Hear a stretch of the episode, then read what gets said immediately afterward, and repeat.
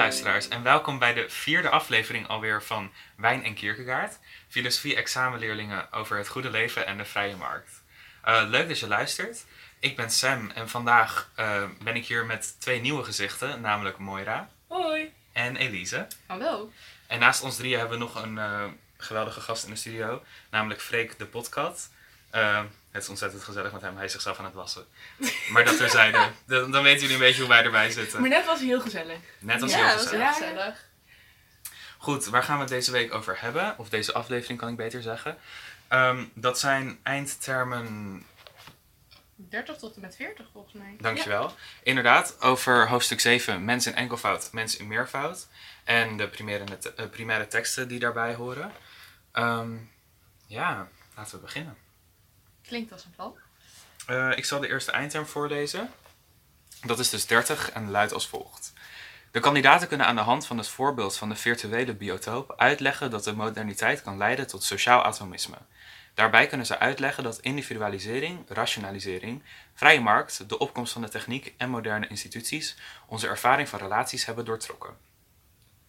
Voelt iemand zich geroepen om deze aan te pakken? Um, nou ja, we kunnen beginnen maar, eerst met de virtuele biotoop. Um, ja. Dat zeg maar de, kijk, de, de leefwereld die wij hebben gecreëerd als mens nu met alle techniek en sociale media en zo, toch? Ja, nee, ik, ik zie jou kijken, ik dacht ik check zit, even. Ik zit even te denken, heb je, heb je überhaupt de disclaimer gegeven? Oh, de disclaimer. Oh, want nee. we, we okay. beginnen nu precies waar, met waarom we die disclaimer hebben, ja. namelijk vanwege Inderdaad, dit soort goed dingen. punt. Ik zal de dis opnieuw? Nee, dit is een reden om de disclaimer te geven. Ja. Inderdaad. Gooi hem Wat een aanleiding. De, de disclaimer luidt als volgt. Um, wij zijn geen filosofen. We hebben geen filosofie gestudeerd. Wij zijn allemaal 17 jaar oud. En uh, weten we heel weinig over het leven. Wel vinden we filosofie heel erg leuk. En hebben we het al een aantal jaar gehad op de middelbare school. En dat is dan ook de reden dat we dit maken. Om de examenstof te uh, herhalen, te bespreken. En er zo iets uit te halen voor onszelf. Maar hopelijk kunnen jullie dat ook. Ja. Um, verder, we zijn dus geen professionals, wat dan ook. Neem niet aan wat wij zeggen hier. Je moet ons niet zien als je docent. Exact. Nee, precies. Maar de virtuele biotoop is wel, zeg maar, inderdaad, de... Die Ja. virtuele biotoop dus. Die ja. dus is gecreëerd door de moderne techniek van de mensen met nu ehm, internet, games. Letterlijk ook een beetje de VR-leefwereld die je Mhm. nu een beetje hebt. Ehm, en ehm, even kijken. Ja, en hoe kan dat dan eh, leiden tot sociaal atomisme? Ja, Sam. Hoe kan dat leiden tot sociaal atomisme? Ehm, zoals ik het begrijp is in de virtuele biotoop. ehm, ja, misschien moeten we dan eerst even die andere vijf termen. eh, of vijf zijn het er vijf? De aantal termen uitleggen die er staan. Omdat dat is waar de vi- virtuele biotoop. ehm, dat is daar echt aan het eh, thriven. Laten we beginnen met indi- individu- individualisering. Ja. Elise, ga Eh, ervoor. oh ja, tuurlijk. Ehm, nou ja, het heeft volgens mij gewoon heel erg te maken met dat we eh, steeds meer los van elkaar zijn en niet meer onderdeel van een groep, maar dat we ehm, voor onszelf besluiten wat, eh, eh, wat goed is en eh, niet allemaal dezelfde richting volgen. Ja, er zijn veel meer ikjes geworden. Ja, we zijn veel meer ikjes geworden, ja. Eh, misschien moeten we dit meteen even toelichten. Volgens mij is dit best wel een controversieel ding onder de filosofie-docenten in ieder geval. Eh, maar naast mij ligt eh, het boek Geslaagd voor het Goede Leven. En daarin was iemand die ehm, eh, bij Hegel individuen uitlegde als de ikjes. En dat vond ik een hele leuke term. Dus ehm, Die houden we er lekker in. die houden we er lekker in, zeker deze aflevering. Want nou ja, we krijgen nogal veel met Hegel te maken. Dus eh, bij deze ikjes gaat het over individuen. Eh Yes. dat. En die staan in de ehm, zo- virtuele biotoop dus centraal, de ikjes, in plaats van de wij. Ehm, maar daar staat ook centraal rationalisering. Wat houdt dat in? Dat is ook een beetje in de relaties, zeg maar. Dat het niet per se alleen maar persoonlijke relaties zijn, maar dat is ook met die transactionele relaties. Mhm. Dat je niet per se meer hebt dat je heel goed met iemand om moet gaan, maar dat is hé, hey, ik heb iets van jou nodig. Ehm, jij misschien iets van mij. En dat je meer op zo'n gebied een relatie met iemand aangaat. Maar ik weet niet wat jullie daar eh, Oh, hier. hadden. Hier staat rationalisering. Ik, eh, voor de luisteraars, ik eh, kijk even in een boek. Ehm, rationalisering gaat over de werkelijkheid in toenemende mate systematiseren en ordenen om de beheersbaarheid en voorspelbaarheid te vergroten. Dus ik, dat heeft ook best wel te maken met wetenschap en dat wij best wel een beetje maakbaarheid van de wereld ook. Mhm. Ja, precies. Dus we gaan veel meer via logica, minder via emotionele. Ja, precies. Dus bijvoorbeeld, nou ja, eh, om dingen, eh, voorspelbaarheid en beheersbaarheid te vergroten. Dat je bijvoorbeeld eh, met, ik moet meteen denken aan ruimte voor de rivieren van aantrekkingskunde. Ja. Ehm, dat je dus maatregelen neemt ehm, om een rivier zo te maken dat als er hoog water is, dat er kans op overstroming bijvoorbeeld kleiner is.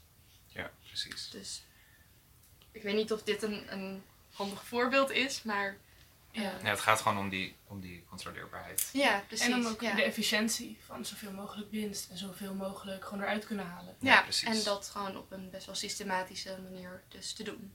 Goed, dan hebben we dus die individu- individualisering, rationalisering onder andere. Hoe kan dat nou leiden tot sociaal atomisme en wat is sociaal atomisme? Ehm, zal ik eh, daarover eh, beginnen dan? Ehm, nou ja, sociaal atomisme gaat volgens mij dat je heel erg los eh, staat van anderen in de samenleving. Ehm, eh, en dat je ook elkaar daar niet echt in nodig hebt om te kunnen bereiken wat jij wil bereiken. Dus best wel ook individueel inderdaad. Dus dat Mhm. met die individualisering. Ik weet niet of andere mensen hier aanvullingen op hebben. Eh, nou ja, ik denk dat, het, dat je het wel eh, beknopt eh verwoordt. Ja. Het gaat heel erg om isolatie inderdaad. En je gaat alleen relaties aan als het het individu een voordeel geeft. Ja. Dus het is gewoon super egoïstisch eigenlijk. ja, eigenlijk een beetje dat je alleen maar nog transactionele relaties aangaat. Precies.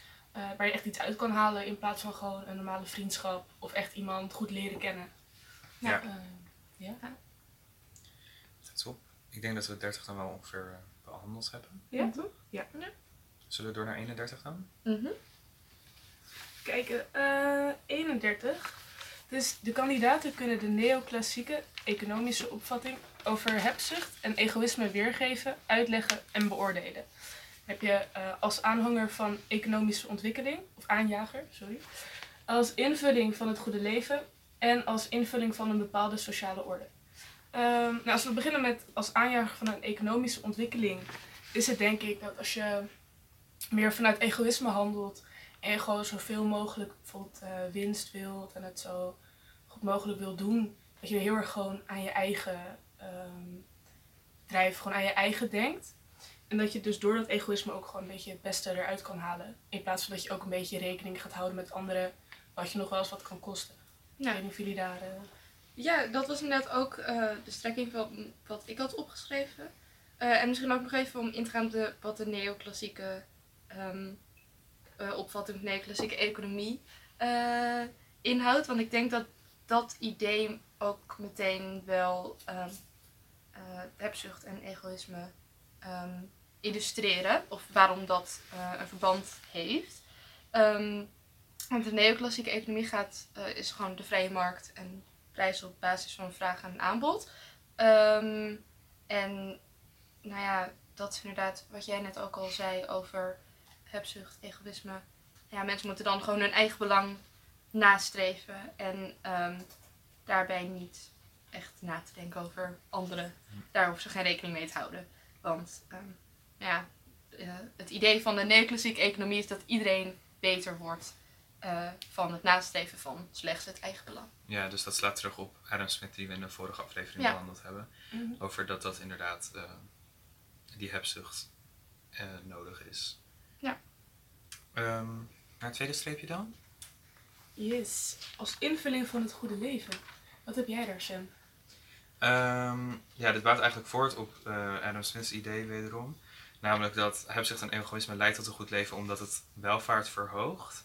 Ehm, en veel inkomsten, veel bedrijvigheid, dat zou leiden tot geluk voor allen. Ehm, ja, dat is eigenlijk eh, kort gezegd. Inderdaad, wat Elise net ook al zei, veel, veel ehm, productie, et cetera, eh, zou moeten zorgen voor economische groei voor iedereen. En niet alleen voor de eh, bedrijfseigenaren. Yes. En dan als invulling van een bepaalde sociale orde. Ja, dat was toch van ehm, Thomas Hobbes, die een beetje met de, eh, het selfish system had. Dit staat in mijn aantekeningen. En dat is eigenlijk, ziet hij dus die, dat selfish system, dus altijd egoïstische handelen, dus als een basis van een goede sociale orde. Hebben jullie daar nog... Eh, ja, de- omdat de mens rationeel is en tegelijkertijd alleen maar eh, handelt uit eigen belang. ehm, dat zorgt er samen voor dat de mens inziet dat het in eigen belang is om zijn vrijheid ondergeschikt te maken aan een externe heerser. Ehm, omdat dat eh, garantie zou zijn voor privébezit en veiligheid. Dus eh, je gebruikt je ratio om je eigen belang ten goede te laten komen. En door dan een beetje dat eigen belang ten goede te laten komen, heb je er ook een soort van alsof je dan altijd het beste voor jezelf wil, dus het beste eruit haalt. En Ja, precies. En dat heeft dus te maken met die sociale orde, omdat men, men ziet in dat je eigen vrijheid opgeven in ruil voor een samenleving, dat dat ten goede komt voor je privébezit en veiligheid. Oké. Ik denk dat we deze eindterm ook wel eh, nou ja, hebben besproken. Ja, we gingen er best wel snel doorheen. Ik weet trouwens niet of jullie dit ook hebben, maar ik heb nog iets over de zeven klassieke ondeugden. Ehm, Dat vind ik erg spicy. ik weet niet of dat hier nou mee te maken heeft. Ik heb het wel opgeschreven, maar... ehm, Eerlijk gezegd heb ik daar nog nooit van gehoord. oké. Nee, ik ook niet. Ik heb ze volgens mij uit het boek gehaald, maar ehm, Oh, zijn dat de, ook waar de film over gaat? dat weet ik niet. Maar eh, Seven. Met vraatzucht Oh. en dat soort dingen. ja, dat zijn wel inderdaad de dingen die ik heb opgeschreven. Want het, ehm, eh, eigenlijk die dingen waarvan we altijd zeiden van die zijn slecht, zijn nu juist eigenlijk de goede dingen. Dus inderdaad genotzucht, hebzucht, ehm vraatzucht, dat soort dingen. Oh. Eh, dat zijn nu juist de aanjagers van Ja. onze eh, economie. Terwijl dat juist altijd slechte dingen waren. Ja, interessant. Eh, die heb ik nog opgeschreven, maar het staat niet in de eindterm. Ehm, Wil je ze misschien even noemen? ja, zal ik gewoon even de... Het rijtje afgaan? ja, je hebt de... Ik denk dat ze uit het Grieks komen, maar ik zal even gewoon de Nederlandse termen noemen. De eerste is hoogmoed. Dan heb je hebzucht, genotzucht, jaloezie, vraatzucht, onbeheerstheid. Onbeheerstheid? Is dat... En luiheid. Hmm. Maar dit zijn nu de- dit zijn de, de klassieke ondeugden. Maar die worden dus eigenlijk nu een soort van deugden in dit economische Ja, systeem. in, in het neoclassieke economische systeem zijn dit volgens mij juist de... Nou ja, hebzucht is, eh, zoals hier, eh, er staat zelfs in de eindterm als... eh, Ja, die komt er wel in Ja, voor. precies. Maar de Ja. anderen worden niet echt, echt genoemd. Nee, maar nou, ik heb ze wel Ja, opgeschreven. Dus eh, Wat ik- meer context. ja, ik zou zeggen, doe ermee wat je wil. Maar Ehm, nou, zullen we dan door naar nummer 32? Yes, ja, we doen. vrij rap er doorheen. Ehm, de kandidaten kunnen het verschil tussen de opvatting van het communitarisme en van het liberalisme over het goede leven weergeven. Daarbij kunnen zij aan de hand van het onderscheid tussen dunne moraal en dikke moraal de kritiek van het communitarisme op het liberale mensbegrip uitleggen. En oh, dit is het volgende streepje. Beargumenteren dat de tegenstelling tussen de opvattingen van het liberalisme en het communitarisme over het goede leven vanuit een deugd ethische benadering kan worden gerelativeerd. Eh de laatste twee woorden stonden op de andere pagina. Ehm, ja, laten we gewoon weer aan de hand van de streepjes, denk ik, eh, deze eindterm bespreken. Mhm. Ehm, in, nou, bij het eerste streepje gaat het al over de dunne moraal en de dikke moraal. Misschien is het even handig om daar eerst op in te gaan, wat, wat die precies zijn. Ik weet niet, Mhm. heeft een van jullie die ehm, paraat nu? Ehm, ja, ik had bij het ehm, dunne moraal, dat dat was, ehm, even kijken, dat was van de liberalen. En dat het was van ja, je kan ehm, zelf kiezen hoe je vorm geeft aan je leven. Maar je hebt daarbij ehm, zeg maar de plicht om de vrijheid van de ander niet te schaden. En dat was zeg maar gewoon het dunne moraal. Dat is minimaal gewoon Ja. nodig, zeg Mhm. maar. Er is weinig moraal al ingevuld. Ja, heel, heel dun moraal. Ja. ja, precies. hij is er bijna niet, maar hij is er wel. Net wel nog. Ja, Je mag alles doen wat je wil, behalve dat Maar- ene kleine dingetje. precies. Ja. Eh, en dikke moraal? Ja, er tegenover staat dus de dikke moraal. Ehm, die is gebaseerd op gemeenschap. Ehm, en die zorgt voor cohesie. Althans, dat is het, eh, de visie van eh, communitaristen. Ehm, maar het gaat dus inderdaad over dat die moraal veel meer ingekleurd is. Eh, waar je bij de dunne moraal heel veel zelf in mocht vullen, is dat bij de dikke moraal dus niet mogelijk. Ja. Omdat er gewoon veel meer verwachtingen zijn en standaarden. et cetera. En die gaan inderdaad over het liberalisme en het communitarisme. Dat zijn eigenlijk de twee volgende ehm, termen die we misschien even kunnen uitleggen om vervolgens de koppeling ehm, te maken naar wat dan de kritiek van het communitarisme is op het eh, liberalisme. Ehm, ja, nou ja, jij had het er net al eh, over, dus misschien kan jij nog even een stukje verder. Uh, ja, het liberalisme staat dus voor een individu dat moreel autonoom is. Dus dat betekent elk individu kan zelf bepalen wat het goede is en daarnaar handelen. Um, communitarisme staat er recht tegenover. De samenleving bepaalt daar de moraal. En die moet ook eensgezind zijn. Uh, en dat zorgt dus voor cohesie en, en een morele en stabiele samenleving. Um, en dan vraagt de eindterm om de kritiek van de communitaristen op de liberalen, toch? Ja. Um, nou, zij stellen dus dat de dunne moraal te weinig houvast, houvast biedt uh, en geen stabiele basis voor een gezonde samenleving. Uh, en dat is slecht. Heel kort gezegd. Ja, want volgens, zeg maar, liberalen... Sorry, liberalen hoort er dan zeg maar geen... Hoeft er eigenlijk niet per se echt een samenleving te zijn dan, toch? Um, Met hoe je dan die kritiek erop moet zien. Ik, nee, ik denk liberalen die ze erkennen wel gewoon dat de samenleving een ding is. Mhm. Maar het hoeft niet zo eensgezind te zijn als bij de communitaristen. Het gaat eigenlijk vooral om, om, de rechten van het vrije individu. Dat is het belangrijkst. Maar in wat voor context doet er volgens mij niet heel veel toe. Nee. En dat is inderdaad waar de liberalisme zo op hamert, die rechten van het individu. Dus dat is uh, leven en laten leven. Um, ja. Volgens het communitarisme is dat te dun. Um, en kan je er geen samenleving opbouwen. Nee. Want ze zijn bang voor chaos. Ja, dus dat is eigenlijk de, kritiek uh, yes. die, zij, uh, die zij daarop hebben. Ja, want communitaristen die willen eigenlijk gewoon rust en harmonie. En ze ja. denken dat te vinden in één eensgezinde moraal. Ja, dat is inderdaad wat ze stellen. Tenminste, voor zover ik uh, ook heb begrepen. dan kunnen we denk ik naar het tweede, tweede streepje. Um, en dat gaat over de tegenstelling tussen de opvattingen van het liberalisme en communitarisme over het goede leven vanuit een deugd-ethische benadering. Kan worden gerelativeerd. Ja, dat, uh, dat is dat ding met die bladzijden. Ja, ja um, nou, we weten dus inmiddels, hebben we net al besproken wat dan die opvattingen, in ieder geval uh, de algemene opvattingen zijn van het liberalisme en het communitarisme. Maar nu gaan we ze dus ook nog koppelen aan, uh, aan de deugden. Um, en dat het verschil eigenlijk wordt het verschil tussen de twee verminderd. Ja, door de... Ja. ja. Heeft een van jullie een idee over hoe dat kan? Nee, ik dacht... Um, dat beetje was beide stromingen, uh, ondanks dat de ene een nou, iets dikker moraal heeft dan de ander... Um, zowel echt zijn voor dan de ontplooiing van de mens en toch wel gewoon voor de vrijheid en zo. En hier is dat wel gekoppeld staat dan um, uit een begrip deugd. En dat dat dan een invulling eraan geeft. Dus dat eigenlijk op die manier, als je er zo naar kijkt, eigenlijk allebei de stromingen wel een beetje eenzelfde uitgangspunt hebben.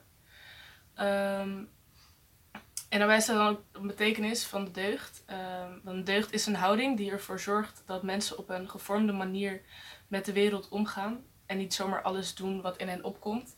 En dat hebben ook beide stromingen een beetje. Want het uh, liberalisme heeft dat heel erg van ja, je kan niet je mag vrij zijn en zelf invulling geven aan het leven. Ehm, maar daarbij mag je zeg maar geen andere mensen schaden. Dus je mag niet helemaal doen wat je wilt. En uh, het communitarisme heeft dan erbij, um, nou met dan het dikke moraal en de samenleving en dat de maatschappij een beetje bepaalt nou ja, ook wat wel en niet kan. Ik weet niet of jullie nog iets anders. Ja, en uh, liberalisme, het is niet zeg maar dat je gewoon mag doen wat je wil random. Nee. Het is, je moet het wel op een soort van bedachtzame manier komen tot een besluit. Dus in die zin is het niet dat de ene heel erg impulsief is en de ander heel erg uh, bedachtzaam of zo. Het is allebei gaat er wel, mm. zeg maar, gedachten. Net wel doordacht. ja. Precies, het is doordacht, allebei. Dus in die zin verschilt het niet zo. En beide stromingen willen, of die streven naar deugd. Um, alleen de manier waarop is net wat anders. Goed, eindterm 33. Um, Die luidt als volgt. De kandidaten kunnen uitleggen dat McIntyre het deugdbegrip actualiseert met behulp van de begrippen practice, internal goods en external goods. Daarbij kunnen ze dit deugdbegrip toepassen op praktijken zoals sport, bedrijfsleven, media en onderwijs. Ja, Zullen we eerst eh, de begrippen practice, internal goods en external goods even Ja, dat- langslopen? lijkt me ook wel een goed idee inderdaad. Ehm, zal ik even beginnen Ja. dan? Ja, ik heb dit net nog even duidelijk opgezocht, want ik merkte dat dit, dit lijkt heel vaag, maar met name die internal en external goods vielen mij in ieder geval heel erg eh, mee. Ehm, ja, practice, oftewel een praktijk in het Nederlands. Ehm, ja, dat gaat over een verband waarin mensen samen verantwoordelijkheid dragen voor, gemeenschap, voor een gemeenschappelijk goed, als ik het goed begrepen heb. Ik weet niet, kan je het koppelen aan instituties? Ik ga nu echt tijdens het opnemen van deze podcast ineens allemaal koppelingen maken die misschien niet heel Dat handig is oké, zijn. dat is oké. Maar ehm, eh, ja, ik snap niet helemaal hoe ik deze moet begrijpen. Een praktijk, bedoel je? Ja. Nee, Zoals ik het begrijp, is een praktijk heel praktisch. Eh, eh, maar ja. nee, het, het, het gaat erover, het is echt heel tastbaar. Gewoon Mhm. een, Ja. een fysieke locatie, vaak, Ja. waar iets geproduceerd wordt. Ah, Maar ook als ja. voorbeeld van eh, bijvoorbeeld een hele goede bakker die ergens Exact. zit. Ja. Dat is zeg maar dan de praktijk, is gewoon ehm de bakker die die broden Ja. bakt of zo. Ja. Die bakkerij met inderdaad de opperbakker, maar ook met de stagiaires of Ja, gewoon de Dat- hele bakkerij. De he- het- al- alles bij elkaar is dan die practice. Ja. Aha, ja. Nee, dan snap ik hem, inderdaad. Ja. Nou, en dan de internal goods gaat met name over de, de deugden, maar dan werd er met name terugverwezen naar de Aristotelische deugden. Dus dan moed en eh, nou, die. Eh, de external goods gaat vooral over winst en macht en status. Ja, precies. Ehm, ik, voor mij werd het duidelijker toen ik internal goods koppelde aan kwaliteit en external aan kwantiteit. Inderdaad. En hoe actualiseert hij het deugd? Eh, wat staat er nou precies? Ehm, het deugdbegrip. Hoe actualiseert hij dat? Voor zover ik het begreep, ehm, eh, wilde hij, eh, vond hij ehm, in zijn tijd het morele denken eh, emotivistisch. Dat wil zeggen dat het ehm, was dat wat goed is voor het individu is goed. Heel erg ehm, egoïstisch. Daar had hij kritiek op. En hij wilde terug naar Aries, Aries, ik, sorry. Oh, mijn Arie! Oh, ja, ja. Arie. Oh, maar Aristoteles. Hij wilde terug naar Aristoteles ethiek, maar dan geactualiseerd. Ja. Ehm, dus dat wil zeggen conservatief, ehm, leren van rolmodellen eh, binnen de practice, om zo tot eh, ethische keuzes te komen. Ja. Misschien is het handig om te vermelden dat ehm McIntyre is geboren in 1929. Dus dan heb je misschien even een beetje een historische context Ja, eh, om hem in te plaatsen. Dus dan wordt het misschien makkelijker om, om zijn ideeën te begrijpen. Ja, en hij legt dus nadruk op dat ehm deugdzaam samenleven plaatsvindt binnen de practices. Ehm, die practices worden mogelijk gemaakt door external goods, maar richten zich op internal goods. Ehm, en eh, nou ja, dat is hoe die actualisering dus tot stand komt. Ja, en daarnaast nog even op de internal goods en de external goods. Had je dan altijd, wat er wel werd gesteld toch, dat die, de een mag nooit boven de ander staan. Ja, dus ehm, het gaat om de internal goods. Dat is wat eh, als goed geacht wordt binnen de practice. Ehm, en external goods is eigenlijk gewoon het instrument. Dus dat zijn uitwendige, uitwendige goederen eh, Mhm. die niet intern verbonden zijn met de praktijk. Eh, voorbeelden zijn geld, rendement, hypotheek, weet ik veel wat. Allerlei dingen die je nodig hebt om de internal goods te kunnen creëren. Ehm, en hij stelt ook dat als external goods te belangrijk worden, dat ten koste gaat van de kwaliteit van de praktijk en de internal goods. En dat dat kan leiden tot wrijving tussen mensen op de werkvloer en wat zij belangrijk achten en de mensen met het geld. Ehm, dus als dat inderdaad uit balans raakt, dan eh, heeft dat catastrofale gevolgen voor de kwaliteit. En dan vooral een beetje niet kwantiteit over kwaliteit. Want dan gaat de kwaliteit er een beetje aan, eh, Precies, precies. aan leiden. Ehm, hebben we dan de eindterm? Ik denk het wel. Ja, ik denk het wel. Oké, we moeten nu heel even. Ik moet. ehm, ja, ik weet niet of we dit erin gaan laten, maar als we dat wel doen. ehm, ik ga op mijn laptop opstarten. Want ik eh, Laten heb een hele, ja, we een hele georganiseerde manier Hier mag ik al de hele tijd in. Oh. Oh, waar ging 34? Oh, dat was de... de... Hegel. Ja, Hegel? maar dit snap ik dus. Is, eh, Oh, ik, ik heb deze, die snap ik wat minder. En die daarna wel. Ik had hier, dan had je dat, dat voorbeeld zeg maar met de, de slagroomtaart. Slagroomtaart. Ja, dat, je, dat had je zeg maar met Hegel, toch? Dat je de... eh, als dat was later, met dat bemiddelen en zo. mhm. En met je... Ik heb Hegel Ja, dat middelen gaat eigenlijk over even heel snel, zeg maar met eh, je moet niet alleen bezig zijn met je eigen behoeften, maar je moet iets terug doen. En dan moet je dus gaan werken, want dan kan je daarna. Ja, en ook dat je dan zeg maar niet alleen... Je wilt iets, dat je dan... Ja, Bijvoorbeeld een... een ja, ik, ik, ik heb allemaal eten dingen. ja nee, klopt. Ik inderdaad. zie ook ja. steeds zeg maar... Met die bakker, toch? Met external en Mhm. internal goods zie ik gewoon steeds zo voor me hoe die bakkerij gewoon is.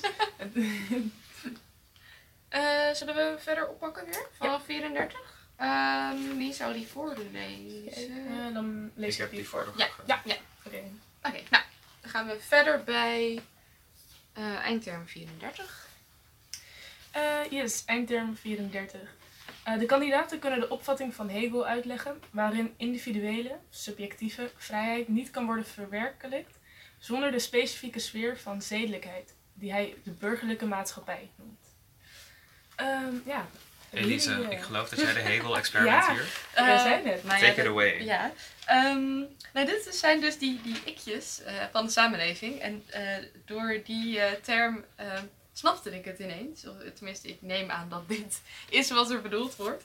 Ehm, maar ehm, ja, zedelijkheid is dus eigenlijk de samenwerking van alle ikjes, oftewel alle individuen, ehm, in een samenleving. En die zedelijkheid die is weer onderdeel van die burgerlijke samenleving.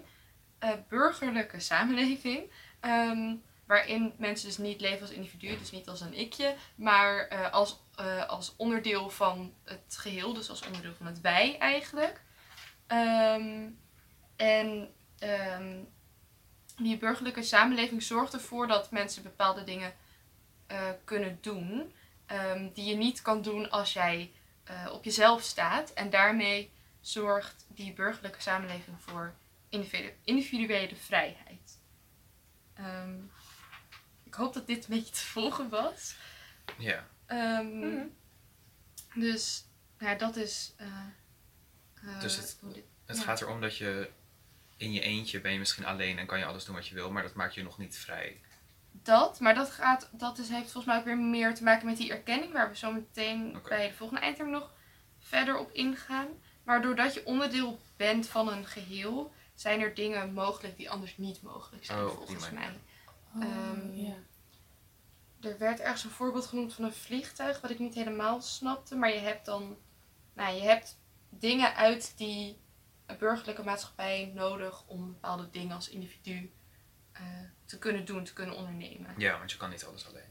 Nee, precies. En, en daarmee zorgt die burgerlijke samenleving dus voor eh, individuele vrijheid, omdat die jou in staat stelt dat te doen. Terwijl als jij dat niet, als jij niet onderdeel was geweest van die eh, samenleving, dan was dat niet zo geweest. Is het ook zo dat ehm, in die burgerlijke samenleving heert dus een bepaalde moraal en zedelijkheid? Ehm, en alleen als iedereen een soort van onderdeel is van dezelfde moraal, kan je ook met elkaar overweg en communiceren? Dat weet ik niet zeker, maar het klinkt wel aannemelijk.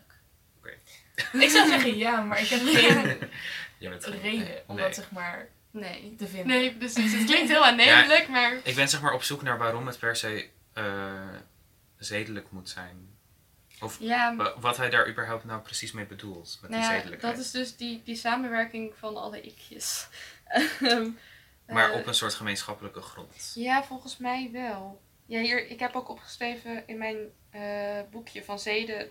Het zijn de regels in de burgerlijke maatschappij. Ja, precies. Dus dat gaat wel uit van een bepaalde moraal en Ja. een bepaalde overtuiging. Oké. Dus die regels, ja oké. Die regels zijn wel een soort van cruciaal met elkaar überhaupt te kunnen handelen. Regels als in dezelfde taal die je spreekt of dezelfde eh beleefdheids manier Ja, van. Een beetje Ja, dezelfde beleefdheid- omgangsvorm. Ja, Exact, ja exact. precies. Ja, Oké, mij wel. top. gaan we verder met eindterm 35, die dus eh, ingaat op waar jij het net over had, die uh, erkenning of anerkenning. Um, dus ik zal even beginnen met het voorlezen van eindterm 35. De kandidaten kunnen de opvatting van Hegel over anerkenning als verdubbeling van ons zelfbewustzijn uitleggen met behulp van een voorbeeld en daarmee kritiek leveren op de atomaire vrijheidsopvatting. Uh, is er iemand die uh, het aandurft om dit uit te leggen? Of zal ik nog even? Uh, ga ervoor. Ja? Zou ik okay. zeggen.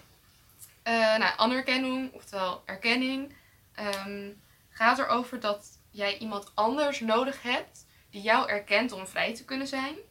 Um, oftewel, dit vind ik zelf een heel fijn voorbeeld. Als jij in een klas zit uh, en jij steekt je, je hand op, maar jij krijgt de beurt niet, dan um, uh, ben jij op dat moment niet vrij omdat uh, iemand anders jou niet erkent in dat jij een vraag hebt, omdat jij je hand opsteekt. Um, en tegelijkertijd is de docent niet vrij om les te geven als er geen leerling tegenover zit. Precies, ja. ja. Uh, dus eigenlijk dat alles verhoudt zich eigenlijk ook tot elkaar uh, daardoor. Um, nou ja, dat staat natuurlijk haaks eigenlijk op het atomaire vrijheidsbegrip, waarbij je eigenlijk niemand nodig hebt om vrij te kunnen zijn. Um, terwijl je dat in dit geval, ja, je kan wel in je eentje zijn, maar daarmee ben jij dus niet vrij, omdat er niet iemand anders is die tegen jou zegt van hé, hey, dat ben jij en daarmee jou erkent. De verwoording die mij heel erg hielp om het te begrijpen was dat um, die anerkenning, je hebt de ander nodig omdat wat je doet, um, als er niemand is om bij te landen, dan gebeurt er niks mee. Dan zend je heel veel uit, maar het landt nergens, dus ja. is het eigenlijk niks.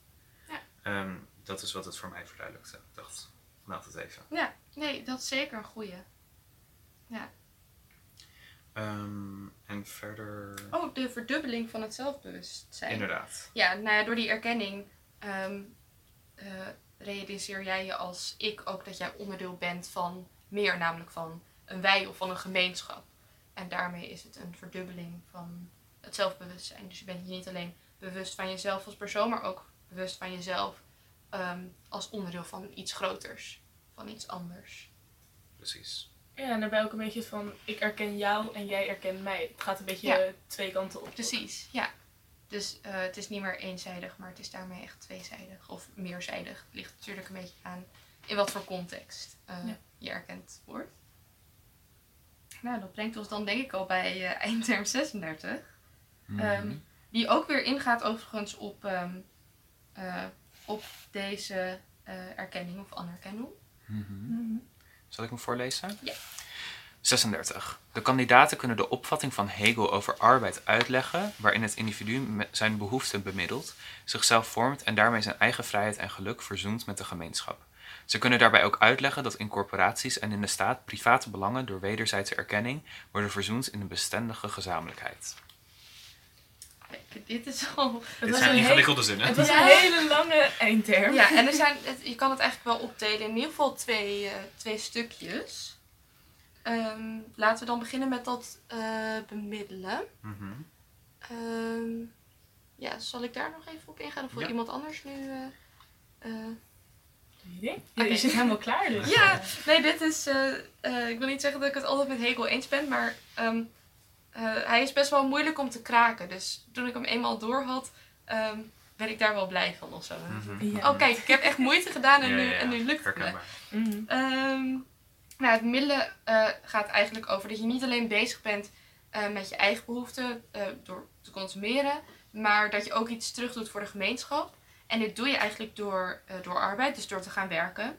Want als je gaat werken, dan ehm, ben jij even niet bezig met, met jouw behoeftes en, en wat jij wil. En daarmee ben je een soort van bevrijd eh, van die behoeftes. Ehm, en dus stel jij hebt eh, eh, een, een bakker, laten we de bakker maar weer als voorbeeld nemen. Stel je hebt een bakker of een bakkerij. Je hebt een bakker. Stel je hebt een bakkerij. ehm, en jij ehm, eh, wil en jij verkoopt ermee, jij verdient daarmee jouw geld. Ehm, dan kan jij niet besluiten om maar één ding te verkopen, omdat dat hetgene is wat jij wil verkopen. Maar je moet dan kijken van, hé, hey, wat, wat willen anderen? Wat willen mijn klanten? Willen die bijvoorbeeld wit brood? Willen die bruin brood? Ehm, en dan moet jij werken om eh, in die behoeften van eh, anderen te kunnen, eh, te kunnen voorzien. Ehm, dus ja, dat is volgens mij een beetje de strekking van dat eerste stukje van de eindterm. Ja, maar het, Hebben het, jullie nog aanvullingen? ik denk dat je het heel helder verwoordt. Oké. Ehm, inderdaad, die verzoening met de gemeenschap. En het tweede deel van de eindterm gaat in over ehm, verzoening en hoe dat leidt tot een bestendige gezamenlijkheid. Mhm. Ja, want dat verwijst eigenlijk ook weer naar die eh, erkenning. Omdat die ingaat op die coöperaties ook. Ja, maar ik heb het idee dat het best wel hetzelfde mechanisme is als in het eerste deel van de eindterm, toch? Ja, Dus door die Ja. bemiddeling en die verzoening kom je tot een soort eh, compromis slash situatie waar iedereen oké mee is. Mhm. Dat loopt goed, dat vult elkaar mooi aan. Ehm, Ja. En dat kan dus op kleine schaal, maar ook op staatsschaal. Ja. Kan je het zo stellen? volgens mij wel. Ja. Nou ja, en dan krijg je dus ook dus inderdaad die coöperaties. Mhm. Die, dus dat was volgens mij eh, de hoogste vorm van die erkenning. Ehm, omdat jij daarin niet alleen erkend wordt als mens, maar ook jouw kwaliteiten worden daarin erkend. Ehm, en er werd volgens mij ook terug verwezen naar de gildes, dus uit de middeleeuwen. Gaan we even heel ver terug in de tijd.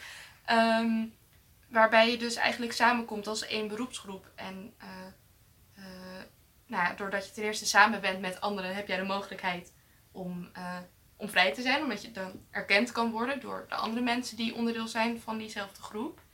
Ehm, maar omdat jij ehm, één beroep uitoefent als groep zijnde, ehm, word jij niet alleen erkend eh, als mens, als individu, maar dus ook als eh, op wat jij kan. Even heel kort Ja. gezegd. En het heeft dan ook gewoon ja, meer waarde, omdat een soort van anderen die hetzelfde doen, dus ook precies weten hoe het gaat en hoe het is, Precies. dan ook Ja.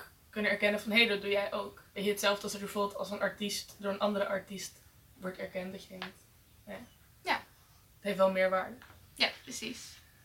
Dus daarmee is dat eh, volgens Hegel de, de hoogste vorm van, eh, van erkenning of anerkenning. Wij gebruiken nu steeds de Nederlandse term, maar anerkenning eh, mag ook. Nou, top. Want hij was Duits, toch? Hij was Duits. Vandaar de anerkenning. Ja. Ja. Nou, dat was die Yes. eindterm, denk ik. Weet je Eh, wel waar McIntyre vandaan kwam eigenlijk? Eh, Het zal, het zal. Brits zijn waarschijnlijk. even opgezocht. McIntyre komt uit Groot-Brittannië. Weten jullie dat ook weer? British. Ja. Eh, nou, dan Dat is kunnen mijn we... eh. Eh. Oké.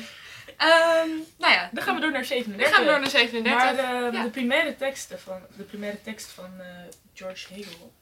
Of Georg, dat kan ook. Georg. Georg! Hij was Duits! Hij was Duits! Georg! Gaylord. Ja, want dan Nou, is er, de er is wel een. E, zeg maar, hier. Maar ja, Ja. Hij, hij heet wel George, volgens mij, toch? Maar Nee, want George vind ik niet heel Duits. Georg? Dit mag er ook allemaal uit. Nee. Nee. Anders gaat het veel... Was Mensen niet- mogen ook een beetje lachen terwijl ze zeg maar Ja. misschien nog s'avonds één uur lang naar Philo luisteren. Proberen van shit, misschien dat ik het nu nog haal. Maar oké. Eh, goed. De primaire tekst dus. Eh, ga jij de eindterm voorlezen? Ja, dat ga ik doen. dat is heel fijn dat je dat gaat doen. Zeker. Eindterm 37. De kandidaten kunnen uitleggen hoe de twee grondprincipes van de burgerlijke maatschappij, algemeenheid en bijzonderheid, zich manifesteren. Tevens kunnen zij uitleggen dat er door inwerking van beide principes op elkaar het algemeen belang gediend kan worden, terwijl toch niemand erop uit is dit te doen. Lijkt me duidelijk. Nee.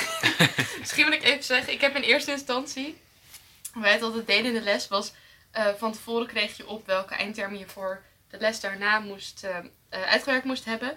Eh, nou ja, dan ben je dus in eerste instantie in je eentje ehm, met één filosoof. Eh, ik heb opgeschreven, ik snap er helemaal niks van. Ehm, Ik heb Ja. daarna nog wel dingen toegevoegd, maar mijn eerste... Ik denk dat het best een universele ervaring is. Ja, misschien Georg. wel, hè? Ja. Maar Eh, goed, na de les snapte je het wel heel goed. Ja. Georg. Georg? Nee, of George, zonder E. Het Ja, ja, ja. Nee, het is geen spelfout. nee, het is echt een Georg. Maar Ja. weet je al de uitspraak? Nee, maar ja. Ehm, maar goed. Ja, Jij snapt Georg nu. Nou, ja en nee. Ik snap vooral de eindterm 34 tot en met 36. Maar hier wordt het wel een soort van vager, ook voor mij. Misschien ook omdat het een primaire tekst is. eh, dat, dat vergt altijd iets meer, ehm, iets meer vermogen. Ja, ik Ja. wil sowieso wel eerst eh, beginnen door te zeggen dat algemeenheid en bijzonderheid, wat dat precies is. Want Ja. ik, het Ja. klinkt logisch, maar ik wist het toch niet helemaal goed. Toen kwam ik erachter. Algemeenheid gaat dus altijd over de gemeenschap. Dus Ja. de, de maatschappij at large. En bijzonder gaat over het individu. Ja. Ehm, dat gezegd hebbende, kunnen we denk ik gaan focussen op de rest van de eindterm. Ja. Nee, ik heb dus als eerste extra opgeschreven is, als individu heb je de algemeenheid nodig om jou te erkennen. Maar ja, dat is natuurlijk ehm, gewoon de anerkenning. Daar gaat de podcast. Die wordt Oh, ineens nee. heel actief. Die wil, Freek de podcast eh, vertrekt. Die wil, weg, die wil weg van de primaire teksten, maar dat snap ik wel. Het is wel het juiste moment om te vluchten. Ehm, ja, goed. Oké, ten eerste de twee grondprincipes van de burgerlijke maatschappij. Eh, hoe manifesteren algemeenheid en bijzonderheid zich? Dat vind ik een hele leuke vraag. Dank je. Heb je ook een heel leuk antwoord hoor? Nee. Nee, dat gewoon de bijzonderheid was ehm, dan de, nou, gewoon naar het individu zelf gericht, toch? En dan een beetje, ehm, nou ja, vooral de subjectieve behoeften van het individu. Dus echt gewoon de behoeften van één persoon. Ik heb hier het slagroomtaart voorbeeld. Ga Van- ervoor. Klinkt leuk. Ze zit hier al de hele middag mee, dus dit moet eruit. als individu heb je zin in slagroomtaart. Mhm. Maar ja, zelf, ja, dat is heel goed. in, Maar je hebt zeg maar, nergens zomaar even een slagroomtaart liggen. Of dat je die zomaar even bakt of zo. Dus die heb je nodig. Ehm, en dus om die behoefte te kunnen bevredigen, ehm, moet je dus dan, en dan kom ik nog weer een beetje terug op dat bemiddelen. ehm, moet je dus dan naar, nou, ja, in de burgermaat, burgerlijke maatschappij en dan weet je naar anderen die dus jou die slagroomtaart kunnen geven Mhm. om dus je eh, eigen behoeften te kunnen bemiddelen of te ehm, bevredigen. Ehm, en dat is volgens mij dan die maatschappij waar je heen moet. En de andere is dat dan een beetje de, de algemeenheid en de samenleving en zo. Maar de Ja. algemeenheid snapte ik niet heel goed. Oké. Niet, eh, ik weet niet of jullie daar nog een Nee, ik heb sowieso het idee dat eh, deze eindterm ook een soort bundeling is eigenlijk van de drie eindtermen hiervoor. Waar we eigenlijk in een soort van kleine stapjes ehm, eh, de, de theorie van Hegel hebben besproken en hebben ehm, geleerd. En dat dat hier een soort van gebundeld wordt, maar waarmee Ja, eh, het ineens ook heel ingewikkeld wordt. Ja, het wordt ineens best wel abstract, hè? Ja, Ehm, nou ja, je hebt dus de algemeenheid en de bijzonderheid. Bijzonderheid, zoals je zei, gaat over het individu. Mhm. Ehm, en dus ook het eigen belang van de individu. En bijzonderheid gaat over de rest van de maatschappij. nee, de algemeenheid. Zo, algemeenheid gaat dan over de rest van de maatschappij, Ja, toch? dat toch? Nee, het is bijzonder. Oh, inderdaad, de Ja, algemeenheid. nou, dit, dit geeft misschien ook al aan hoe ingewikkeld al die termen Ja, ook zijn. En eh, ja. Ja. Ehm, nu we dat enigszins onduidelijk hebben geschetst, kunnen we misschien naar het tweede deel van de eindterm. Namelijk eh, dat de inwerking van beide principes op elkaar het algemeen belang eh, dienen. Terwijl dat niet per se iemands bedoeling is. Ehm, nee. Ik denk dat, dat, dat het slagroomvoorbeeld, het slagroomtaartvoorbeeld daar ook wel werkt. Ja. Ehm, ik denk dat het ook best wel neerkomt op het vraag- en aanbod ding, toch? Ja. Daar doet het me heel erg aan denken in ieder geval. Ik heb ook opgeschreven ehm, eh, dat je uit eigen belang je altijd aan moet passen aan de algemene wil. om- Mhm. Te kunnen, om, om in jouw eigen behoeften te kunnen voorzien. Maar ik denk ook weer dat dit te maken heeft met die bemiddeling. Eh, dus dat jij gaat werken omdat je dan dingen terug kan geven aan, aan de gemeenschap. Dus dat het eigenlijk altijd terugdraait op eh, dat jij onderdeel bent van een gemeenschap waar jij ehm, aan moet leveren en zij ook aan jou leveren. Ja. Dus dat is, ja. Eigenlijk komt het Ja. steeds terug op, het, op hetzelfde principe van je ziet jezelf terug in de meens- gemeenschap en Ja. andersom. Ja, En dus heeft het een soort wisselwerking tussen de twee. want dat, is de- ik denk dat dat ook de reden is dat hier die algemeenheid en die bijzonderheid nog even eh, benadrukt worden. Ja, precies. Omdat die ook weer die verhouding eh, weergeven. Mhm. Oh ja, maar dan heb je zeg maar in principe ehm, ook met het dient het algemeen belang, maar die dient ook elkaar. Want om weer even terug te komen op het slagroomvoorbeeld, het slagroomtaartvoorbeeld, dan heb je dus zeg maar, ik wil mijn slagroomtaart, dus ik haal het ergens. Daarmee heb ik dus mijn eigen behoeften eh, bevredigd.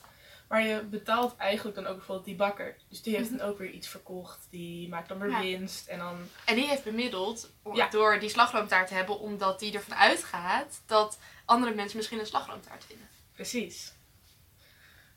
Dan is die denk ik wel duidelijk. Of Ja. zijn er nog eh, aanvullingen? Nou, dat is dus het ding met, dat merk ik in ieder geval met Hegel, dat ik die losse onderdelen allemaal vrij goed snap, maar dat het in een, Op het moment dat het een soort van zijn hele theorie ja, als behelst, het, als het een bundeling wordt, dan wordt het ingewikkeld. eh, wordt het heel ingewikkeld. Terwijl we dan misschien juist heel erg het in kleine stapjes ook weer moeten aanpakken. Ja. Om het, ehm, Maar ik denk dat we wel een globaal beeld geschetst hebben. Dat hoop ik in ieder geval wel. Ja, precies. Goed, eh, eindterm 38 dan. Yes. Ehm, kijk, de kandidaten kunnen uitleggen wat Hegel verstaat onder theoretische en praktische vorming door het arbeidsproces. Eh, waarbij met name aandacht wordt besteed aan de subjectieve en objectieve kant ervan. Ze kunnen daarbij uitleggen dat deze vorming samenhangt met arbeidsdeling, productiviteit en automatisering. Arbeidsdeling hadden in de, of tenminste Sam had jij in de vorige aflevering het ook over, toch? Klopt. Weet jij nu wat meer, heb jij wat meer uit deze primaire tekst kunnen halen over deze eindterm? Nou, ik wil eerst wel even ingaan op de theoretische en praktische vorming. Dat is namelijk wel een groot deel van de eindterm. Ehm, die theoretische vorming eh, door het arbeidsproces houdt een manier in waarop de arbeid ons verstand traint. Dus dat gaat meer over mentale eh, kracht. Eh, denk aan geestesvaardigheden, denkvermogen, dat soort dingen. En dat leer je dus door te doen. Ehm, leer je die mentale vaardigheden. En het ook een beetje soort van te trainen, Precies, te ontwikkelen. Precies. Zeg maar. Eh, anderzijds, de praktische vorming, die ontstaat doordat arbeid gewoonte schept. Het schept de gewoonte om ergens mee bezig te zijn en iets te doen. En het schept de gewoonte om jezelf in te perken, eh, omdat je bekend raakt met beperkingen van bijvoorbeeld het materiaal of eh, je gereedschappen of zo. Ehm, dus je leert het daadwerkelijke maken van een product. Eh, dat is waar die praktische vorming op slaat. En ehm, beide dingen leer je dus door te doen. Ja. Ja. Je dan bij het praktische wel meer een soort van het echt het doen, als in ehm, een soort van meer echt het praktische werken? Of is dat ook niet per se dat daar zo'n onderscheid in zit? Nou, praktische vorming is in die zin praktisch dat het om echt stoffelijke dingen gaat. Ja, oké, ja. En theoretisch leer je net als praktische vorming door, door het te doen. Dus in die Mhm. zin is het hetzelfde. Maar bij theorie gaat het meer over je mentale capaciteit. Ja, precies. En Dus meer het praktisch doen echt van meer het hoe je het denken doet het met je handen. Ja, Ja, precies. oké. Aha. En dan het tweede deel van de eindterm. Even kijken. Ze kunnen daarbij uitleggen dat deze vorming samenhangt met arbeidsdeling, productiviteit en automatisering. Ja, ik heb hier een stukje gemarkeerd in het boek over ehm, wat Hegel zei over arbeidsdeling. Zal ik dat eerst gaan even Yes. voorlezen? Ehm, Hegel schrijft het volgende. Het werken van de enkeling wordt door, arbeid, wordt door de arbeidsdeling eenvoudiger en daardoor wordt zijn vaardigheid in zijn abstracte arbeid groter, als ook de hoeveelheid van zijn productie. Oftewel, het werk wordt dus makkelijker eh, en levert ook nog meer op. Ja. Even heel simpel eh, gezegd. Dus dat is in ieder geval hoe hij dus denkt over de arbeidsdeling. Mhm. Staat er ook iets over hoe het verband gaat met ehm, die praktische en theoretische vorming? Mm, dat zie ik niet direct. Ik zie hier wel even kijken. Ehm, nee, eigenlijk staat er over wat jij net hebt gezegd. Misschien kunnen we. eh, want die drie, die drie eh, dingen in de eindterm, dus arbeidsstelling, productiviteit, automatisering. ehm, dat hangt allemaal samen. Laten we ze alle drie even langslopen kijken wat de Mhm. connectie kan zijn met Ja. eh, die vormingsvormen. Ja. Arbeidsdeling, hoe, hoe zou dat invloed kunnen hebben op de theoretische en praktische vorming? Ik denk dat je een soort van, want je, je traint het wel of je, je leert het door te doen, zeg maar. Mhm. Maar stel je doet door arbeidsdeling, doe je allemaal je eigen ding, dan word je dus steeds beter in je eigen ding doen. Dus in het the- theoretische, zeg maar, van nou ja, heel theoretisch, hoe moet je het doen? En dus ook wel in het doen van leren er echt mee omgaan. Want je doet continu hetzelfde, dus je blijft het continu een soort van oefenen. En Ja. ehm, ja, je wordt gewoon heel goed, zeg maar, in je eigen ding. En dat heb je allemaal Mhm. los, in plaats van dat je het soort van moet verdelen over verschillende dingen zelf. Ja, dus je wordt gewoon specialist op een schroefje aandraaien. Ja, bijvoorbeeld. Ja, precies. Maar dan heb je, als je een beetje uitzoomt, heb je er niet heel veel aan. Want je kan niet per se meer een volwaardig product creëren zelf. Dus, Nee. misschien, dus misschien draagt het wel heel erg bij in de praktische vorming. Maar eh, theoretisch niet per se. Omdat het zo... Het is theoretisch zo platgeslagen. Mhm. ehm, dat je de theorie van een stoel in elkaar zetten... heb je niet Ja. onder de knie. Je kan ook misschien, ehm, we hebben nu al steeds het voorbeeld van een schroefje eh, aandraaien bijvoorbeeld. Kan je bijvoorbeeld iets groter in een, in een groter bedrijf. Of ehm, dat je echt verschillende afdelingen en dingen hebt. Dat je niet per se alleen maar een schroefje aandraait, maar dat je bijvoorbeeld, dat zie je nu een beetje in moderne bedrijven, van je hebt een bepaalde functie en dat je heel goed wordt in die functie. Ja. Ehm, waarbij je dan wel iets meer doet en daar dan heel goed in wordt. Eh, maar dat niet letterlijk is, ik draai een schroefje aan. Ja, nee, exact. Dus in zeg maar ehm, meer ontwikkelde bedrijven eh, waar je meer taken hebt, dan, dan gaat het misschien wel op. Maar als we echt kijken naar fabriekswerk en arbeidsdeling in een fabriek, dan denk ik dat het vooral praktische vorming ten goede komt, niet zozeer theoretische vorming. Ja, misschien aan het begin, zeg maar, als je het allemaal nieuw leert, Mhm. dat je dan de theoretische vorming van, dan is het allemaal nieuw en dan doe je er goed in, maar na een, na een tijdje is het gewoon van, oké, je kent het al, je kan het. Een soort van eind. Het- maar het is dus eigenlijk ook een beetje hetzelfde als wat bijvoorbeeld eh Smit zegt. Over dat het geestdodend is. Ja. Ja, inderdaad. Ja. Klopt. Ehm, productiviteit. Hoe houdt dat verband? Nou ja, er staat hier dus ook door arbeidsdeling en zo wordt dus de hoeveelheid groter. Maar ik weet niet in hoeverre je dat kunt koppelen aan de praktische vorming en de theoretische vorming. Maar Ja. Nee, dat vind ik ook lastig. Misschien met een hogere productiviteit heb je meer training. Ja. Zou je kunnen zeggen. Maar als die productivi- hoge productiviteit tot stand komt door arbeidsdeling, dan weer niet per se. Nou, dan kom je heel snel aan een einde weer van bijvoorbeeld je theoretische vorming. Ja. Dan heb je al heel snel dat je het al heel vaak hebt gedaan. Mhm. En dan, Ja, misschien Ja. maakt dat de vorming inderdaad gewoon juist weer veel sneller. ja. En automatisering. Ik denk dat het best wel voor de hand ligt dat dat eh, praktische vorming ja, niet eh, bevordert, aangezien je het Nee. zelf niet doet.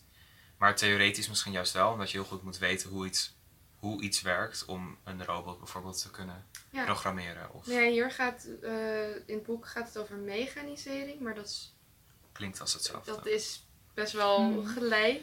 Ja. Ehm, eh, maar die zeggen de abstractie van het produceren maakt het werken verder steeds mechanischer. Eh, dus staat zodat het uiteindelijk mogelijk wordt dat de mens kan weggaan en zijn plaats wordt ingenomen door de machine.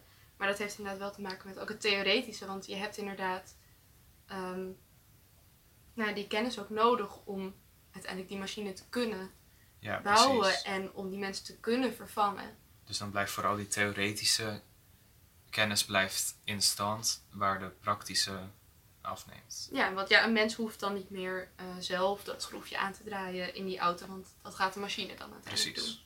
Precies. Ja. Oké. Ik denk dat we die eh, gecoverd hebben. ja. Ja. Zullen we naar Ja, ik 39 gaan? ja We gaan weer terug naar McIntyre. We gaan Ja. terug naar McIntyre, inderdaad. Yes, voor het Ons, eh, internationaal tripje. Ja. Ja. Van Groot-Brittannië naar eh, Duitsland. Duitsland. En weer terug. Ja. En weer heen en weer terug. Ja. Ja. Ja. Ja, wel echt eh, Europa. Yay. Nou ja, de- na de Groot-Brittannië. Ja, oké. ja. Ja. Ja. Hoe, ja. Hm. Maar het is niet eh, Oosters. Of Afrikaans of wat dan ook. Dat Nee. komt niet voor in ons lesboek, nee. Nee. Nee. Helaas, helaas. Anders moeten we een aparte serie gaan beginnen waar we het een beetje gaan uitzoeken hoe dat nou eigenlijk zit. Ja, Hmm. wie weet. Ehm, 39. 39. Zal ik het voorlezen? Yes. Eh, de kandidaten kunnen aan de hand van een uitgewerkt voorbeeld, afkomstig uit kunst, spel, wetenschap, gezin of politiek, weergeven wat McIntyre verstaat onder praktijken en daarbij, begrippen, en daarbij de begrippen interne en externe goederen uitleggen en van elkaar onderscheiden. Daarbij kunnen zij uitleggen dat de interne goederen alleen te herkennen of te identificeren zijn door deelname aan een specifieke praktijk. Nou, hier komen meteen al ehm, drie begrippen terug ehm, uit een eerdere eindterm, namelijk de internal goods, external goods en de praktijk of de practices. Ja, maar ze Ehm. vragen specifiek om een uitgewerkt voorbeeld. Ja. Zullen we dat... eh, zullen we daarvoor gaan? Wat is een Dat- goed ja. voorbeeld voor, van een practice? Bakkerij. Ja, ik Ja. vind het toch een beetje simpel. Maar het is niet... Om daar ja, voor te moet gaan. kus- ja, het- je moet kiezen tussen Dat is- kunst, dat wordt- spel, wetenschap, Ja. gezin of politiek. Wat vinden we van het Rijksmuseum? Helemaal top. Als Vind ik een practice? leuke. Ja. Neem het Rijksmuseum. Nou, fantastisch. dat, Ehm, ging, dat ging makkelijk. dat wel. eh, Oké, wat is binnen het Rijksmuseum? Ten eerste, wat is daar typisch praktijk aan? Nou ja, dat we. eh, er worden dus, ik heb opgeschreven bij ook een praktijk, er worden bepaalde kwaliteiten en waarden in stand gehouden. Maar ik denk dat dat voor het Rijksmuseum geldt als een soort ehm, gevoel van nationalisme, omdat we daar ehm, eh, kunststukken verzamelen die eh, tekenend zijn voor de Nederlandse geschiedenis. Dus dat misschien daarmee dat gevoel van, van de ja, Nederlandse identiteit, eh, Mhm. dat die daar een soort van. Voor zover die eh, bestaat. ja, maar dat, Ja. dat, dat die daar levend eh, Mhm. wordt gehouden of een, eh, eh, of een poging tot Ja, in ieder precies. geval. Ja, Oké, dus dat is dan een beetje de, de praktijk. Mhm. en ik, ik denk ook dat, dat ehm, de kwaliteit die ze proberen te leveren is inderdaad enerzijds dat, dat iets, een vorm van identiteit, maar ook gewoon een goede collectie neerzetten. Ja. Of Ja. een interessante eh, Expositie. expositie. Ja. Ehm, dus ik denk dat het ook, het is ni- niet alleen zo ideologisch, of niet per se ideologisch, maar ehm, niet per se zo op hun motief, maar meer ook gewoon praktisch wat ze doen. Ja. Wat voor kwaliteit ze Ja. leveren. Dus echt letterlijk een soort van kwaliteit van de stukken eh, die ze laten zien bijvoorbeeld. Ja, en dat Mhm. brengt ons dan ook naar de. Dat, is, dat valt vooral onder de internal goods, denk ik dan. Dat ze, Ja, zeker. De internal goods die ze leveren zijn dus inderdaad collecties, eh, eh, exposities, Ja. dat soort dingen. Ehm, dat is eh, de kwaliteit die ze leveren. En hoe houdt dat dan verband met de external goods? Ja, ik denk dat dan de external goods een beetje zijn van, nou ja, hoeveel laat je ervan zien? Met bijvoorbeeld een expositie of iets anders van, hang je het helemaal vol om er zoveel mogelijk te laten zien of om zoveel mogelijk maar, ja, met kwantiteit moet je ook wel een beetje denken aan geld en winst maken, Mhm. denk Ja. ik. Ja, dus ook wat, Dus wat we dan gaan tentoonstellen, heeft dat eh, ook, ligt dat ook goed in de markt? Dus willen mensen hier naar komen kijken? Kunnen wij hiermee eh, winst maken? Kunnen wij hiermee voortbestaan? En Eh, misschien heeft het ook te maken, ik weet niet hoe dat werkt per se met musea, maar ik kan me voorstellen dat het is dat je aan bepaalde regels moet voldoen om eh, subsidies te kunnen krijgen van de overheid. Ja, Ehm, dus dat ze dan misschien concessies moeten doen op de kwaliteit van de expositie, zodat ze wel die subsidie krijgen. mhm, terwijl eigenlijk- Ja. Terwijl eigenlijk zou, willen ze misschien een andere soort expositie neerzetten. Mhm. Maar dat kan niet dan, omdat ze dan de external goods eh Ja, omdat worden. die, omdat die er Of- dan gewoon minder, in mindere mate Precies, zijn. precies. Ja. Ja. Ehm, niet dat we nu per se het Rijksmuseum daarvan willen beschuldigen hoor, maar nee, dat zou daar- kunnen gebeuren als je ja. ehm, daar te veel op focust. Ja. Ehm, Nou, waar ik misschien ook nog aan moest denken is inderdaad met name geld is natuurlijk ook best wel eh, een ding. Want eh, als je, zeker als je het Rijksmuseum neemt, er zijn natuurlijk wel, eh, hoe wij het aanduiden, de grootste kunstschatten van het land. Dus er moet ook geld zijn om die eh, exposities mogelijk te maken. Dus ik moet denken aan dat, ehm, wat een tijdje geleden in het nieuws was, dat er een, volgens mij een schilderij van Rembrandt voor heel veel geld werd aangekocht om ehm, naar het Rijksmuseum eh, onder andere te kunnen brengen. Dus eh, die external goods zijn ook nodig om überhaupt het hele museum ja, zeker. mogelijk te maken. Dus ja, de external goods moeten een middel zijn om de internal goods tot stand te kunnen brengen. Ja. Yes. Maar het mag niet de boventoon gaan voeren. Nee. Je hebt dan leiden de internal goods eronder. Precies, dan, precies. dat, Ja. dat wil je niet. Nee, precies. Dus het idee is wel ook dat eh, de waardes niet verloren gaan. Ehm, hoe zit het met dat de internal goods alleen te herkennen of te identificeren zijn door deelname aan die praktijk? Het tweede deel van de eindterm. Is dat niet een beetje wat we ook net hadden van dat het meer waarde is als je wordt erkend door iemand die hetzelfde doet als dat jij doet? Ja, ik Dat heb... als het ja, is van Ik ge- een hele mooie expositie of zo, of heel mooi wat er allemaal dan geregeld wordt. Dat een normaal persoon dat kan zeggen, maar dat hij niet kan beseffen hoeveel dat nou Ja, eigenlijk als waarde heeft. Ik heb ook eh, opgeschreven dat deelnemen aan een praktijk betekent dat je je voegt naar de waarden die daar al zijn. Dus Mhm. dat de bestaande waarden, dus eh, stel het Rijksmuseum krijgt een eh, andere directeur, dat daarmee niet eh, de koers van het Rijksmuseum verandert. Dus dat hun waarden nog steeds hetzelfde blijven, ehm, ondanks dat er een nieuwe directeur is. Dus die neemt gewoon in dit geval deel aan die praktijk.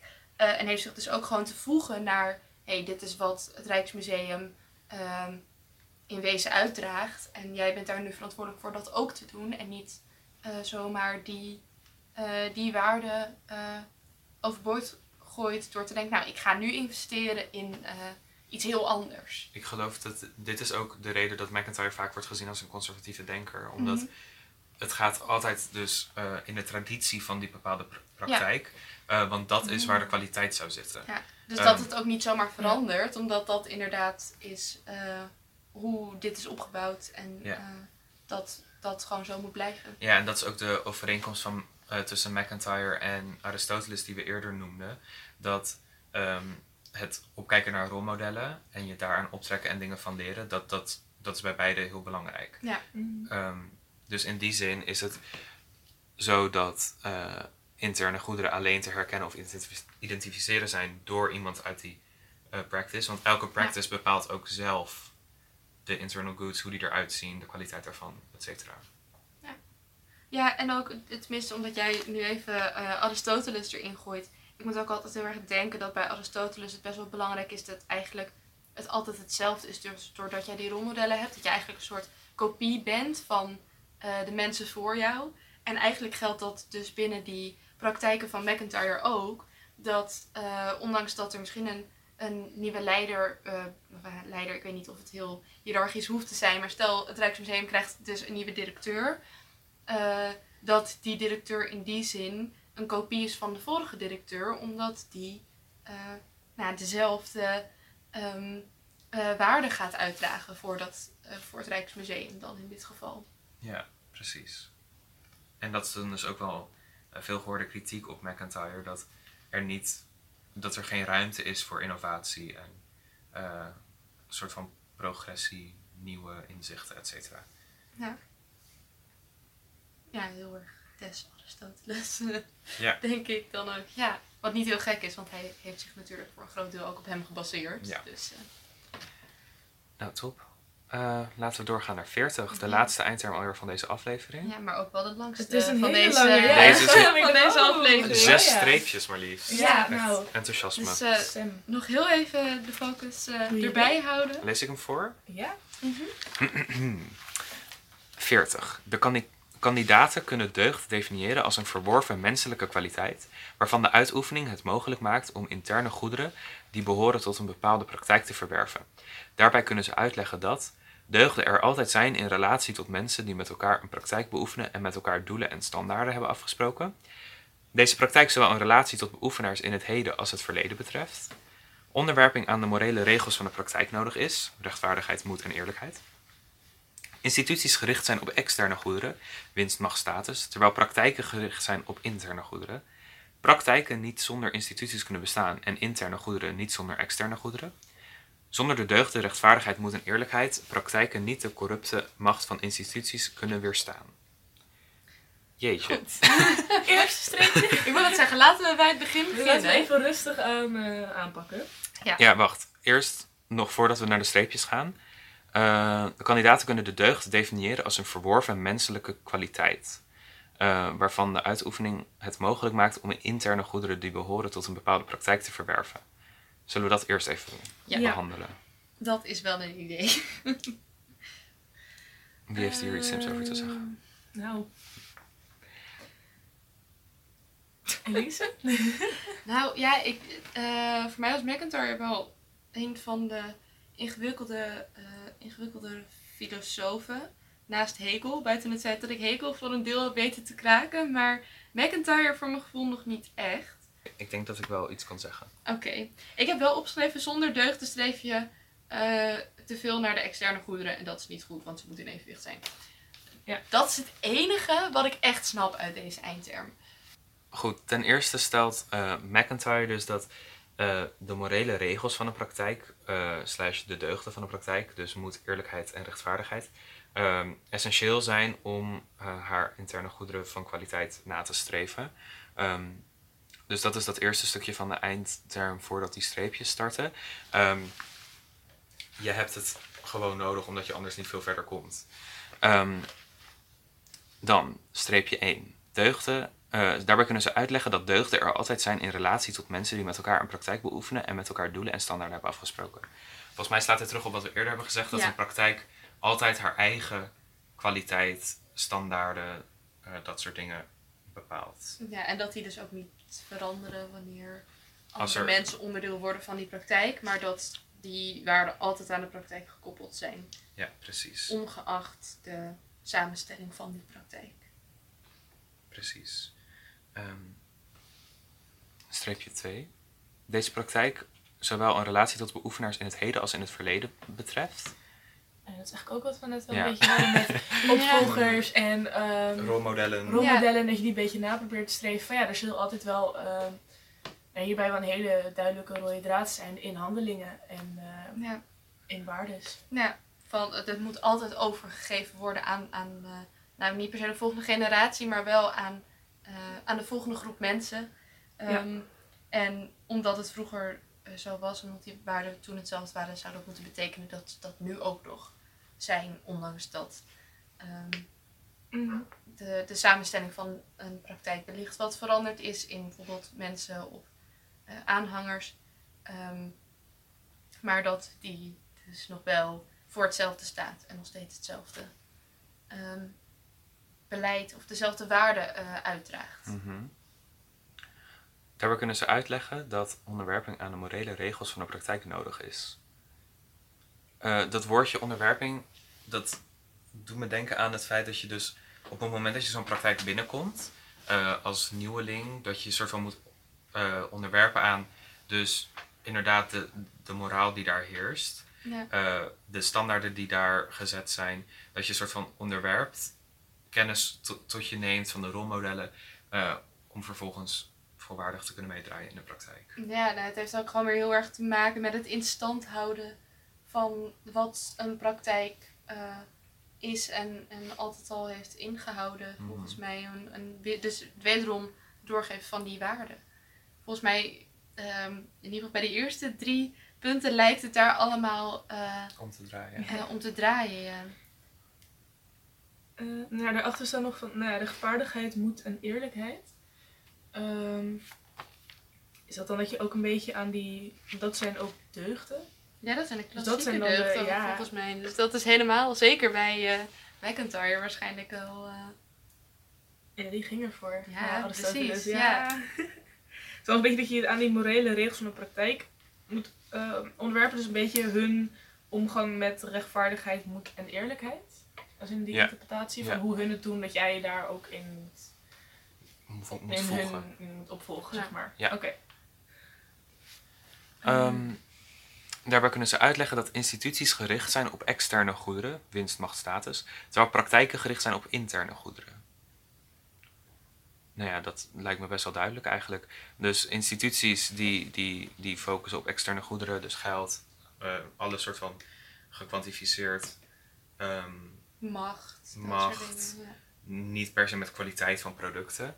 En die praktijken, nou ja, zoals de naam het al zegt, zijn veel praktischer gericht. En die leveren producten van kwaliteit. Ja, ook waarschijnlijk ook omdat ze dus eh, vanuit de oorsprong al eh, gericht zijn op eh, de balans tussen interne en externe goederen. Eh, en die is natuurlijk, doordat het allemaal weer opgegeven is, komen we weer op dat punt. Dat, dat zou niet veranderd moeten zijn. Mhm. Eh, en instituties zijn misschien veel bewegelijker in die zin, omdat eh, die waarden niet zo expliciet doorgegeven worden. Mhm. Ik denk dat dat misschien ook nog wel eh, meespeelt. Ja, ja hij, hij valt een beetje in herhaling. Ja, of Hij wij, komt- of wij of vallen wij- in. Nou, het lijkt er heel veel, maar het is eigenlijk allemaal een beetje... Ja. Het hangt wel heel erg samen natuurlijk. Het komt heel erg zeker door ook ons voorbeeld, zeg maar, waar, waar we steeds op terugkomen, kom je steeds weer op, oh ja, dat is eigenlijk gewoon weer die opvolging. Ja. Ja. Ja, of wij snappen het gewoon niet en hangen daar alles aan. Dat Maar- kan ook. Dat is ook een. Ik ga ervan uit dat we het snappen, want anders ga ik heel hard stressen. Ehm, Dat is de disclaimer. De disclaimer, de disclaimer. Goed. Ehm, daarbij kunnen ze uitleggen dat praktijken niet zonder instituties kunnen bestaan en interne goederen niet zonder externe goederen. Nou ja, dit hebben we ook al eerder behandeld, denk ik. Dat eh, de externe goederen, die zijn dus een middel om tot kwalitatief sterke interne goederen te komen. Ja. Ehm, zonder ingrediënten kan je namelijk geen lekker broodje bakken. Nee. Dat is gewoon die balans weer van, eh, van de interne en externe goederen. Waar we inderdaad ook al eerder op in zijn gegaan. Dan gaan we naar het laatste streepje alweer. Ja. Ehm, daarbij kunnen ze uitleggen Nee, dat is het verkeerde streepje. Nee, jawel. We beginnen met daarbij kunnen ze uitleggen. Oh, Ja. sorry. Daarbij kunnen ze uitleggen dat zonder de deugd, de rechtvaardigheid, moed en eerlijkheid praktijken niet de corrupte macht van instituties kunnen weerstaan. Oeh, Nou ja, volgens mij houden die deugd dus gewoon een beetje op het rechte pad. Want dat is het idee van een deugd. dat lijkt me Ja, ook. En een beetje het moreel en het goede, dat ze, dat, dat ze daardoor ook een beetje meer op die interne goederen en zo. eh, Ja, en die instituties worden hier best wel afgeschilderd als eh, gedreven door geld en eh, nou, door de externe, externe, goederen, inderdaad. Ehm, en de praktijken verzetten zich daartegen door dus die deugden. ja, het is eigenlijk een beetje een soort van schild. Door hun moraal en hun deugden. Ja, Ehm zijn ze beschermd tegen de Ja. harde- ja want ze zijn Ja. zo rechtvaardig en moedig en eerlijk. Nou ja, en omdat het niet mag veranderen, kan je ervan uitgaan dat ondanks dat de tijdsgeest verandert en heel erg uitgaat van eh, macht en, Ja. geld, dat, eh, dat dat niet gebeurt. En Waar dat wel anders, gebeurt bij instituties. anders heeft jouw praktijk dus gewoon geen deugden. Als je, als je meevliegt. Nee, maar dan ben je geen goede praktijk. Nee, precies. dus dan, eh eh, dan houdt het op. Mhm. Dan ben je eerder een institutie. Ja, top. Eh, zullen we heel even snel een beeld schetsen van Hegel en McIntyre? Want ze lijken best wel Ja. op elkaar, maar misschien is het handig om even snel een karakterschets te doen. Ja. Jij bent de Hegel-lover, Elise. Ja, Lover Oké, zou lover. ik niet... Je hebt, hem- je hebt hem gekraakt in ieder Ja. geval. Dat is De Hegelkraker. Ja, ja, de Hegelkraker. Eh Hegel stelt eigenlijk dat eh, een mens niet alleen een individu is, maar ook eh, onderdeel is van ehm, een groter geheel. Eh, en dat jij dat geheel ook nodig hebt om tot vrijheid te kunnen komen. door onder andere de burgerlijke maatschappij, maar ook door anerkenning of erkenning. McIntyre gaat door op de tour van Hegel en zijn gemeenschapsdenken. Maar hij legt meer nadruk op eh, gemeenschapsdenken in, in de praktijk, in zijn practices en dus in de arbeid. Ehm, in die practices eh, gaat het om de internal goods. Die worden bepaald door de practice zelf, eh, waarbij kwaliteit hoog in het vaandel staat. Ehm, en om die kwaliteit te bereiken zijn de external goods nodig. Verder is binnen de practices traditie belangrijk. Het is dus op die manier ook een conservatieve denker, eh, omdat je leert van de rolmodellen, net zoals bij Aristoteles, ehm, om zo de kwaliteit in stand te houden. Ja, en inderdaad ook een beetje met de, de deugden en het moreel van die practice. En dat dat ook vooral, eh, nou ja, door een beetje verloop van jaren en eh, wat we net hadden met opvolgers, dat dat dan goed in stand gehouden moet worden. Ja, precies. Hij legt ook inderdaad nadruk op die deugden en, hoe, en dat die deugden dus weerstand bieden tegen de, het, de verleiding die eh, de external goods ehm, bieden. Goed, ik denk dat we een eh, schets hebben gecreëerd Ja. van beide denkers. Ik hoop dat de eindtermen ehm, wat duidelijker zijn geworden. Ik merkte dat ik het in ieder geval fijn vond om het er nog een keer over te hebben, zodat het wat verser in je geheugen zit. Ja. Precies. Ehm, en ik hoop dat het jullie, lieve luisteraars, ook wat gebracht heeft. Ehm, in de volgende aflevering gaan we het hebben over hoofdstuk 8, de Januskop van instituties. Ehm, Dan ben jij er weer. dan ben ik er weer. ik ga niet zomaar weg. En wie schuiven er bij mij aan? Eh, Iris en Sam, die zijn allebei al een keer eerder geweest, toch? Yes, Ja. die hebben we ook in aflevering 2 gehoord. Eh, samen met mij. Dus dat, Oh, dus je zijn weer opnieuw we, doen even een reunietje. Eh, dus dat belooft gezelligheid te worden. Ehm, hopelijk tot de volgende aflevering en fijne dag. Ja, Ja. bedankt voor het luisteren. Aju. Joep.